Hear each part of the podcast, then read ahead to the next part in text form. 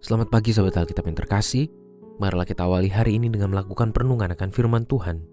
Bacaan Alkitab kita pada hari ini berasal dari Galatia 6 ayat 1 sampai 5. Saudara-saudara, kalaupun seseorang kedapatan melakukan suatu pelanggaran, kamu yang rohani harus memimpin orang itu ke jalan yang benar dalam roh lemah lembut, sambil menjaga dirimu sendiri supaya kamu juga jangan kena pencobaan. Bertolong-tolonganlah menanggung bebanmu. Demikianlah kamu memenuhi hukum Kristus. Sebab kalau seseorang menyangka bahwa ia berarti, padahal ia sama sekali tidak berarti, ia menipu dirinya sendiri.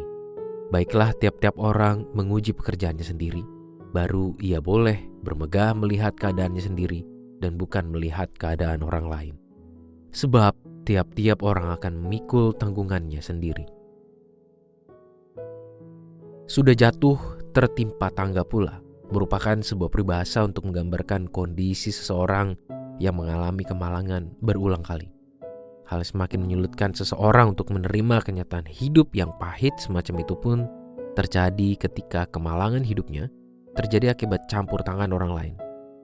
Misalnya, seseorang yang sedang mengalami pergumulan berat terkait relasi dalam keluarga, kemudian justru mengalami penghakiman dari anggota lain di tengah komunitas imannya. Padahal di tengah kondisi hidup yang berat semacam itu, seseorang yang bergumul sangatlah membutuhkan komunitas yang mampu memberikan dukungan dalam iman agar mampu merespons realitas kehidupannya dengan tepat hingga mengalami pertumbuhan di tengah kondisi yang tidak menyenangkan itu. Namun tidak dapat dipungkiri bahwa tidak jarang komunitas jemaat pun dapat berubah menjadi lingkungan yang memberikan ancaman bagi individu yang dianggap salah dan cemar. Alih-alih menjadi komunitas yang saling menguatkan dan membangun, sebuah kehidupan berjemaat juga dapat berubah menjadi komunitas yang menghambat seseorang untuk mengalami perubahan hidup ke arah yang lebih baik. Tentu saja, hal ini sangatlah perlu dikritisi oleh setiap anggota yang ada di dalam komunitas iman tersebut. Paulus pun memberikan wejangan yang sangat tegas kepada seluruh jemaat agar tidak secara asal melakukan penilaian iman hingga berujung penghakiman yang menghambat pertumbuhan satu sama lain.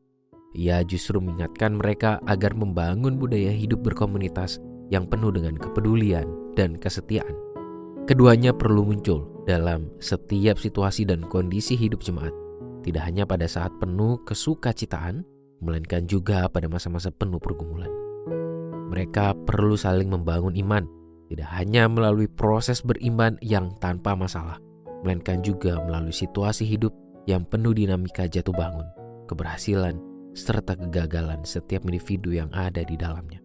Dengan kata lain, setiap anggota yang sedang berada pada posisi terpuruk, gagal maupun melakukan sebuah kesalahan, tidak sepantasnya dikucilkan maupun dihakimi, melainkan perlu dibimbing dalam ketulusan dan kesehatian agar mampu mengalami perubahan hidup dalam kebersamaan.